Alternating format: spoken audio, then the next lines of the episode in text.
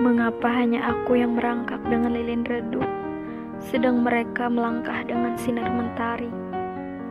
Angin juga terlalu jahat, sering meniup sinar satu-satunya yang kupunya. Jalan yang kulalui masih panjang dan sangat gelap.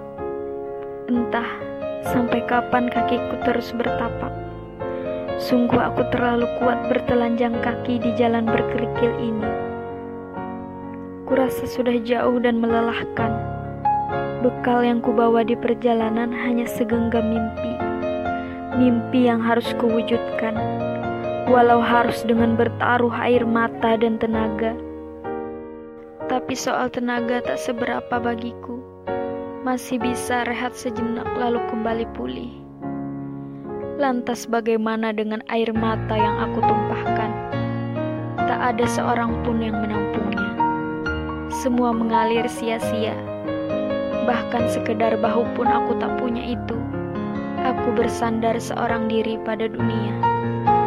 Oh semesta, aku tahu aku ditakdirkan sebagai pejuang silahkan diuji.